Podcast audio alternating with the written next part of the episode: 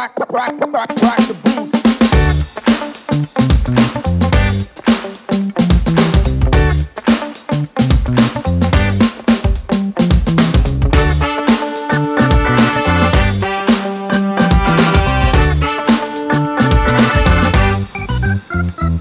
Halo semuanya, jumpa lagi bersama aku Ayumi di DDTC Potex, Making Tax Fun for Everyone.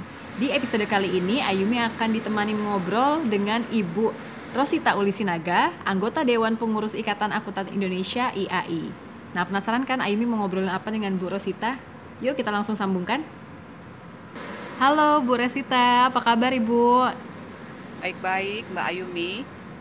Iya, semoga kita sel- semua sehat-sehat selalu begitu ya Bu ya? Ya, kita berharap Iya. semua kita sehat-sehat dan dilindungi oleh Tuhan Yang Maha Esa ya. Amin, amin. Nah, Bu Rusita, kita kan akan mengobrol mengenai salah satu isu kebijakan yang sedang ramai diperbincangkan saat ini, yaitu eh, pemerintah saat ini memang tengah merumuskan rancangan undang-undang tentang pelaporan keuangan yang eh, termasuk juga ke dalam program legislasi nasional atau prolegnas di tahun 2021 ya, Bu ya. Nah, makanya dalam konteks tersebut, Ayumi ingin mengobrol banyak nih dengan Bu Rosita sebagai perwakilan dari Ikatan Akuntan Indonesia atau IAI yang pastinya akan berperan penting nih dalam eh, proses perumusan dan juga nantinya implementasi Undang-Undang Pelaporan Keuangan tersebut apabila sudah disahkan, begitu ya Bu ya. Nah, sebelum eh, berdiskusi banyak, ini kan eh, IAI ini merupakan salah satu bisa dibilang inisiator agar dibentuknya suatu payung hukum dalam isu pelaporan keuangan. Nah ini juga didukung juga nih oleh beberapa asosiasi pelaku usaha ya atau bisa dibilang responnya positif Bu terhadap wacana kebijakan ini. Nah boleh nggak sih Bu diceritakan sedikit Bu secara singkat apa sih sebenarnya Bu urgensi perumusan eh, rancangan undang-undang ini? Baik, eh, Mbak Ayumi. Jadi sebenarnya rencana RUU pelaporan keuangan ini sudah lama ya digagas ya. Saya rasa mungkin sudah lebih dari 8 tahun yang lalu. Dan IAI merupakan eh, organisasi profesi yang paling mendukung sejak awal lahirnya eh, Undang-Undang Pelaporan Keuangan. Kenapa itu menjadi sangat penting? Karena kalau kita lihat di negara-negara lain, Ya. eh, kalau kita bicara laporan keuangan, tentunya laporan keuangan itu tidak timbul begitu saja. Laporan keuangan itu merupakan sesuatu yang dihasilkan dari sebuah ekosistem. Nah, Betul. ekosistem ini eh, terdiri dari berbagai komponen dan stakeholders. Nah, tentunya kalau kita bicara mengenai kualitas laporan keuangan, kenapa eh, kualitas itu menjadi penting bagi laporan keuangan? Karena laporan keuangan ini adalah sumber informasi dari publik terhadap eh, kinerja daripada entitas bisnis, ya bisnis maupun non bisnis sebenarnya. Nah, untuk bisa mem- menjamin bahwa kualitasnya tinggi, maka tentunya si ekosistem yang terlibat di dalam eh, pelaporan keuangan ini perlu ada aturan Ya. eh, peraturan perundangannya. Nah, kalau kita lihat di Indonesia, kita belum punya, Belum ada sama Eh, sekali. ya, belum ada sama sekali. Oke. Ada, tetapi sangat sporadis ya. Jadi artinya partial Hmm. partial diatur, tetapi tidak ada sesuatu undang-undang pelaporan keuangan yang mengintegrasikan seluruhnya mulai dari awal sampai akhir mulai dari siapa yang harus menyusun standarnya, siapa yang harus men- eh, preparersnya itu harus seperti apa, kemudian eh, entitas itu dalam menyusun laporan keuangan itu perlu ada internal control, kemudian juga ar- harus ada pihak yang mengenforce, lalu ke mana si laporan keuangan ini harus disampaikan, bagaimana monitoring dan eh, proses eh, apa namanya enforcementnya itu semuanya perlu ada sesuatu yang eh, mengatur Mbak Ayumi. Itu yang kita belum punya. Bayangkan Indonesia itu udah berapa berapa tahun ya berdiri ya sebagai suatu republik, tetapi kita nggak punya. Oleh karena itu, maka sebagai asosiasi profesi paling tua di Indonesia, maka tentunya ini merupakan suatu hal yang sangat eh, urgent yang menjadi cita-cita kita bersama lah. Kira-kira begitu. Oke baik, berarti itu eh, yang tadi Bu Rosita singgung itu adalah ekosistem ekosistemnya ya Bu ya sepertinya Betul. ya. Nah, apakah eh, seluruh ekosistem tersebut itu sudah tercantum Bu di eh, rancangan undang-undang pelaporan keuangan yang sudah eh, diterbitkan pemerintah? Ya, eh, kalau kita lihat di dalam komponen RUU pelaporan keuangan yang kita dengar eh, uji publiknya eh, pada awal Desember lalu, eh, kita sangat eh, senang karena ada beberapa terobosan yang memang dimasukkan di situ, terutama mengenai kualitas penyusun laporan keuangan diatur. yang sebelumnya tidak diatur sama sekali. Apa kualifikasi daripada seorang penyusun laporan keuangan sampai sekarang Mbak Ayumi itu tidak tidak ada aturannya. Nah, tetapi tentunya kita melihat itu perlu dipertegas karena di situ memang diatur harus mempunyai register negara akuntan gitu ya.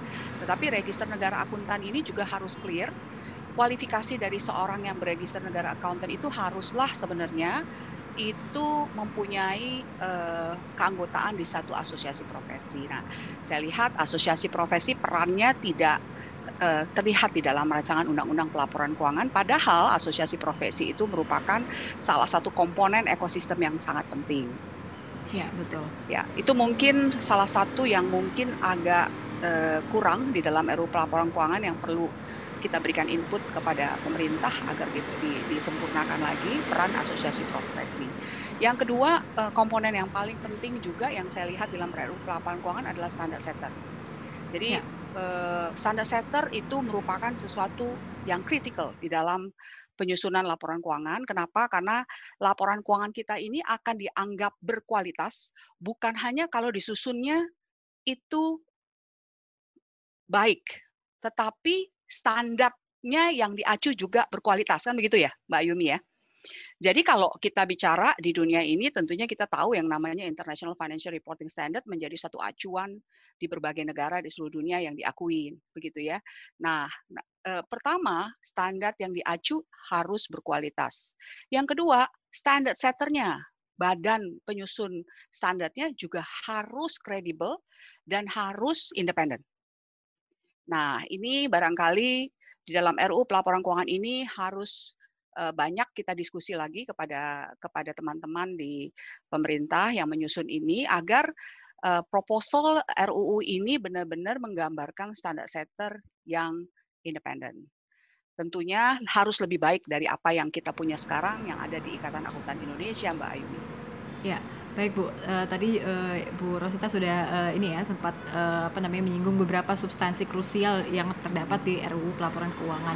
Tadi ternyata untuk uh, peran asosiasi juga uh, belum banyak diatur ya atau belum diatur dalam RUU yang sudah diuji publikan begitu ya. Nah, kira-kira uh, peran IAI atau mungkin asosiasi lainnya Bu untuk advokasi uh, di RUU pelaporan keuangan itu seperti apa Bu? Dan rencananya ya. seperti apa ke depannya? Ya uh, seharusnya sebagai suatu undang-undang uh, yang sangat penting, uh, seyogianya memang seluruh stakeholders yang berkepentingan dalam pelaporan keuangan itu memang harus berperan dan berkontribusi di dalam uh, penyusunan undang-undang pelaporan keuangan ini, Mbak Ayumi. Ya. Dan salah satunya kan asosiasi profesi, karena tadi saya katakan asosiasi profesi ini salah satu komponen ekosistem yang penting Nah, e, memang sejak uji publik yang telah di, dilakukan 3 Desember, maka Ikatan Akuntan Indonesia itu langsung membuat task force. Kita membuat task force secara kilat istilahnya dan membahas isi dari RUU pelaporan keuangan itu dan karena memang tenggat waktu yang diberikan kepada e, kami itu cuma sampai 10 Desember, bayangkan dari 3 Desember oh, sampai 10 Desember itu oh. hanya tujuh hari waktu kami untuk mempersiapkan Memberikan tanggapan masukan. untuk oh, okay. RUU pelaporan keuangan yang maha penting ya. Nah, uh, kita tidak per, tidak belum mendapatkan draftnya sampai benar-benar tanggal 3 Desember Mbak Ayumi. Jadi benar-benar kita tidak betul-betul paham isi daripada RUU pelaporan keuangan. Jadi benar-benar waktu yang kita punya untuk menanggapi itu benar-benar hanya tujuh hari itu ya dan kita berhasil dengan kerja yang sangat keras uh, tim task force itu bekerja hampir tiap hari kita melakukan meeting untuk memberikan tanggapan kepada uh, penyusun uh, eh, RUU pelaporan keuangan yaitu adalah P2PK Kementerian Keuangan dan kita okay. telah sampaikan tanggapan tertulisnya Mbak Ayumi kepada uh, tim penyusun. Oke, baik Bu. Berarti nanti tindak lanjutnya seperti apa Bu? Apakah di uh, 2021 atau gimana Bu? Uh, terus terang aja kami uh, karena tidak termasuk dalam working uh, groupnya tim penyusun, kami sendiri tidak tahu timetable-nya seperti apa dari RUU pelaporan keuangan. Tapi yang saya dengar mungkin uh, harusnya tahun 2021 ya. Nah kita berharap tentunya uh, uh, Ikatan Akuntan Indonesia setelah memberikan tanggapan tertulisnya uh, dapat diundang dan diajak diskusi oleh uh, Kementerian Keuangan untuk memberikan uh, klarifikasi atau penjelasan tambahan lah terhadap apa yang telah kami sampaikan secara tertulis. Dan tentunya kita berharap kita diikut sertakan secara intensif ya untuk melakukan diskusi-diskusi. Oke, baik, Bu. Karena memang sebenarnya uh, collaborative governance itu yang paling uh, ini ya uh, krusial sekarang Betul. ini begitu ya, Bu ya. Baik. Nah, uh, tadi juga salah satu uh, substansinya adalah uh, standar setter, uh, Bu Rosita uh, menyampaikannya. Nah, bagaimana Bu kira-kira implikasi substansi RUU pelaporan keuangan saat ini dengan uh, standar keuangan dan akuntansi yang juga saat ini juga masih digunakan seperti kita ya. punya PSAK 71, 72 dan 73. Bagaimana, Bu? Iya, uh memang kalau kita bicara mengenai substansi ya, barangkali kita me mencoba melihat uh, bagaimana RU pelaporan keuangan mengatur penyusun standar uh, akuntansi nantinya. Kalau kita lihat memang saat ini kan uh, Ikatan Akuntan Indonesia uh, diberikan uh, apa ya, diberikan sebenarnya kalau dia bilang dibilang nggak ada dasar hukumnya sebenarnya ada ya kita punya undang-undang PT undang-undang pasar modal selama ini yang melakukan uh, role sebagai standar setter adalah Ikatan Akuntan Indonesia dalam hal ini Dewan Standar Akuntansi Keuangan Ikatan Akuntan Indonesia. Nah tentunya kalau kita baca RU pelaporan keuangan yang telah diuji publik uh, dalam strukturnya nanti ini akan ada di bawah Kementerian Keuangan, berarti akan di bawah pemerintah gitu ya. ya. Nah, tentunya uh, dasar dasar pemikiran kenapa ini diambil dari asosiasi profesi uh, pada dasarnya adalah karena dianggap kalau itu di bawah asosiasi profesi kurang independen. Kira-kira kan begitu Mbak Ayuni, ya kan? Uh, kalau kita lihat praktek di berbagai negara memang bervariasi. Ada hmm. yang di asosiasi profesi, ada yang di pemerintah dalam hal ini misalnya di Kementerian Keuangan, ada yang benar-benar independen, yaitu suatu lembaga khusus hmm. seperti International Accounting Standard Board gitu ya. Jadi itu benar-benar tidak di bawah pemerintah tapi juga tidak di bawah asosiasi profesi. Nah, kelihatannya RUU ini uh, diarahkan uh, standar setter ini akan ada di bawah pemerintah. Okay. Nah, sekarang bagaimana caranya kalau ini akan ada di bawah pemerintah tetapi tetap independen? Itu yang paling penting ya. Karena kalau ini tidak independen, maka tentunya pertanyaannya kenapa yang sekarang harus dirubah? Itu aja, simple aja. Kalau kita mau yeah. merubah ini kan butuh waktu, membentuk satu organisasi baru itu kan butuh biaya, butuh waktu, ada transisi, dan ada kemungkinan gagal juga Mbak Yumi. Oke. Okay. Nah, kalau misalnya kita mau berubah dari yang ada sekarang, tentunya yang kita harus pertanyakan adalah apakah itu akan menjadi lebih baik? Nah, kalau misalnya ya. kita tahu bahwa secara kasat mata ada potensi bahwa itu tidak akan menjadi lebih independen daripada yang sekarang, tentunya maka uh, kita perlu diskusikan lebih lanjut kenapa ya. perlu ada uh, perubahan kan begitu ya. Kira-kira okay. tanggapan umumnya seperti itu. Ya, kenapa baik. kenapa uh, kami melihat bahwa apa yang ditawarkan di RUU pelaporan keuangan itu uh, tidak lebih baik daripada yang saat ini ada karena kalau kita lihat kalau dibaca di RU pelaporan keuangan itu organnya ada dua yang satu adalah penyelenggara sistem yang kedua ya. adalah ada tiga penyelenggara sistem kemudian komite standarnya dan komite pengawas. Oke. Okay. Nah kalau kita lihat dua di antara uh, badan ini yaitu penyelenggara sistem dan mhm. komite pengawas itu dua-duanya ditunjuk oleh Kementerian Keuangan. Okay. Nah, penyelenggara sistem ini bahkan uh, mempunyai role yang sangat luar biasa karena dia adalah yang uh, mengcompile laporan keuangan. Dia adalah uh, lembaga di mana nanti semua entitas akan menyampaikan laporan keuangannya ke sini. Dia okay, juga mengawasi sumber data ya. Iya, sumber data. Dia juga mengawasi uh, dari laporan keuangan ini. Tapi dia juga mengawasi standar setter.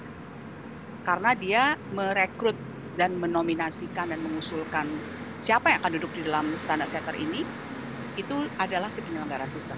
Dan dia juga harus bisa mengevaluasi keberlakuan daripada standar itu gitu ya. jadi uh, kemudian yang berikutnya dia juga adalah lembaga uh, atau organ lah bukan lembaga ya organ di bawah Kementerian Keuangan langsung. Jadi artinya dia report langsung ke Kementerian Keuangan. Jadi jelas dia adalah bagian dari pemerintah ya Mbak Ayumi ya. Tetapi oh. dialah yang merekrut lah ya menominasikan dan merekrut si standar setternya, termasuk yang melakukan pengawasan. Ada satu komite pengawas yang sifatnya mungkin lebih menjadi uh, advisory board untuk si komite standar, tapi itu pun dipilih dan di, direkrut oleh Kementerian Keuangan. Jadi kalau Oke. kita melihat dua organ ini dibentuk oleh Kementerian Keuangan dan dipilih oleh Kementerian Keuangan, tentunya dengan demikian berarti ini adalah di bawah kontrol Kementerian Keuangan notabene pemerintah. Iya, Kenapa baik. itu menjadi kurang independen? Karena kita tahu pemerintah adalah salah satu uh, stakeholder uh, laporan keuangan ya, Mbak Ayumi ya. Kalau kita Betul. bicara misalnya badan umum milik negara atau lembaga-lembaga uh, yang lain yang memang shareholdersnya adalah Kementerian Keuangan, tentunya ada yang namanya uh, konflik kepentingan sebagai pihak yang menyusun standar, sebagai pihak yang mengawasi si standar setternya, tetapi juga sebagai pihak yang menyusun menjalankan uh, menjalankan peran sebagai uh, penyusun laporan keuangan ya. Penyusun laporan, Nah itu mungkin yang akan menjadi potensi uh, kurangnya independensi dari si standar setternya. Mungkin itu kira-kira. baik. Jadi harapannya memang eh, independensi ini perlu diprioritaskan ya, Bu ya. Betul. eh, pada RUU laporan keuangan pelaporan keuangan ini baik Bu Eh, kita mengerucut dulu ke isu pajak Bu ini kan berbagai pihak juga menyatakan bahwa RUU pelaporan keuangan berpeluang untuk meningkatkan kinerja pajak nah kalau menurut Bu Rosita sendiri dari aspek mana saja sih Bu Ya, kalau kita lihat memang di RUU pelaporan keuangan itu diatur bahwa laporan keuangan itu itu di, wajib diberikan kepada melalui penyelenggara sistem. One one eh, apa ya? One pool ya.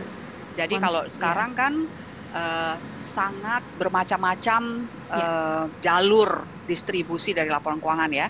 Jadi ada yang ke DPR Indak, ada Ya. yang melalui barangkali ke OJK juga, ada yang ke juga ke pajak dan seterusnya. Nah, kelihatannya apa yang mau dibuat oleh RUU pelaporan keuangan ini itu satu satu pool of data, ya kan? Hmm, Satu oke. pool of data dimasukkan ke situ, gitu kan ya.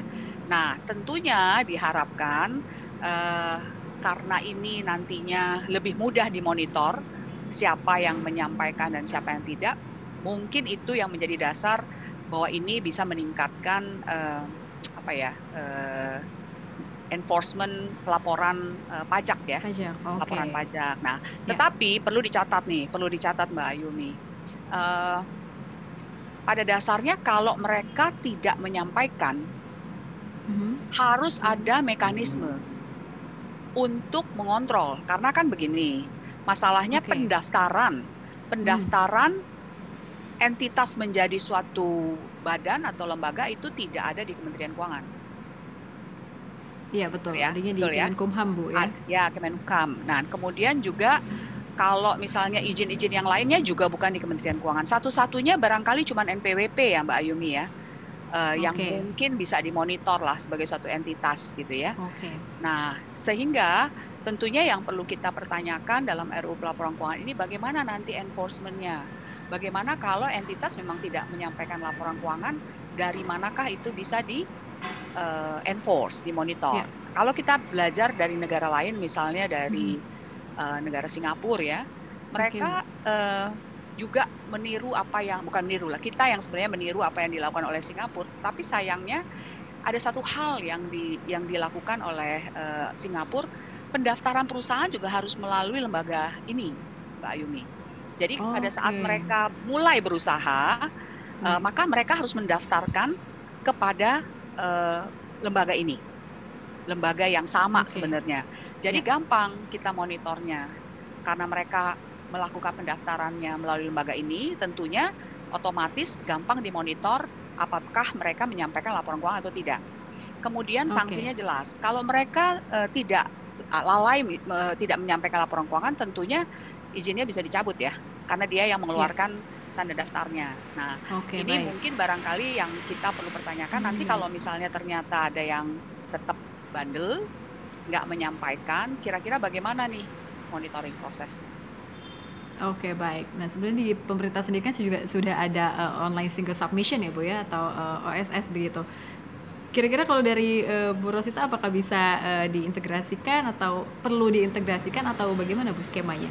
Ya, saya saya sih pikir harusnya memang uh, proses pendaftaran kalau bisa kalau kan ini kan harusnya diperlukan suatu sistem uh, yang luar biasa ya uh, Mbak Ayumi ya kalau ini jalan ya jadi si yeah. penyelenggara sistem ini harusnya memang ada aplikasi yang yang luar biasa karena katanya yang saya dengar nanti uh, entitas tinggal masukkan ke sini Nah, mereka tinggal tentuin yang in, yang mau masuk ke mana nih ke OJK atau ke pajak Betul. atau ke mana, lalu yeah. mereka uh, sistem ini langsung mendistribusikan. Kira-kira kan begitu. Oh, oke. Okay ceritanya kayak begitu tuh dreamnya yeah. gitu kan ya. Uh, uh, uh. Nah kalau demikian kan memang sistemnya itu. ini kan akan menjadi harus lebih luar biasa karena database seluruh yeah. Indonesia entitas seluruh Indonesia akan masuk ke situ ya.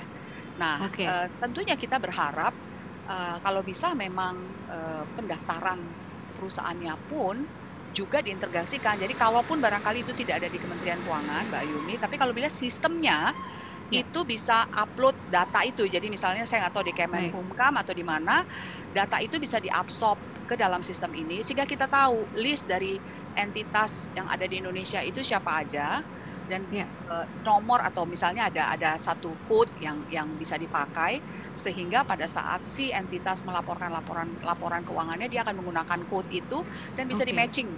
Oh betul, berarti yang ini melaporkan, yang ini tidak melaporkan sehingga per, bisa dilakukan monitoring ya, seperti yang tadi saya katakan.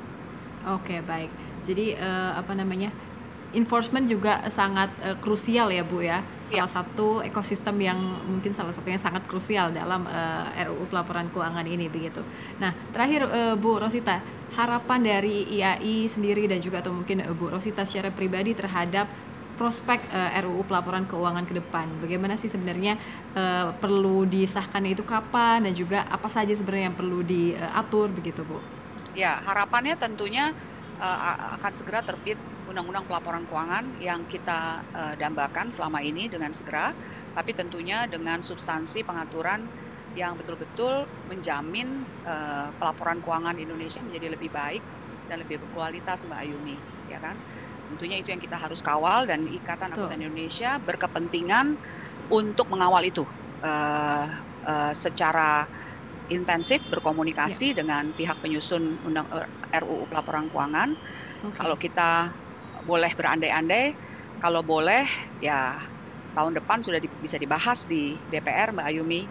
Ya gitu. Kalau boleh ya, ini kan cita-cita ya. ya, Bu, ya. 2021 bisa dibahas di DPR. Nah, kita lihatlah nanti bagaimana. Tapi kita tetap akan kawal. Ikatan Akuntan Indonesia akan tetap mengawal dan mendukung lahirnya RU pelaporan keuangan yang menjamin kualitas pelaporan keuangan yang lebih baik di Indonesia. Oke baik, terima kasih banyak Bu Rosita atas pencerahannya untuk kita semua nih mengenai RUU pelaporan keuangan. Uh, semoga juga sehat selalu dan juga selamat beraktivitas kembali ya Bu ya. Kami ya, mengucapkan terima, kasih. kasih banyak sekali lagi Bu. Mari salam sehat buat semua ya. Terima ya, kasih. Bu. Nah, gimana nih teman-teman semua? Semoga mencerahkan kalian semua ya mengenai RUU pelaporan keuangan. Jangan lupa juga untuk terus ikuti kuis yang ada di episode kali ini dan juga dapatkan hadiah menarik. Infonya bisa kalian lihat di deskripsi di bawah. Nah, untuk kalian e, semua bisa melihat DDTC News dan juga sosial media DDTC lainnya untuk mengetahui isu mengenai perpajakan terkini dan juga teraktual. Selain itu, DDTC juga memiliki suatu inovasi terbaru yaitu perpajakan.id, sebuah aplikasi pencarian dokumen pajak dan juga pusat pengetahuan perpajakan yang berbasis web dan juga sangat mudah nih diakses oleh teman-teman semua. Nah, tetap juga patuhi protokol kesehatan ya, seperti halnya rajin cuci tangan, jaga jarak, dan juga menggunakan masker yang aman. Ayumi pamit, ciao!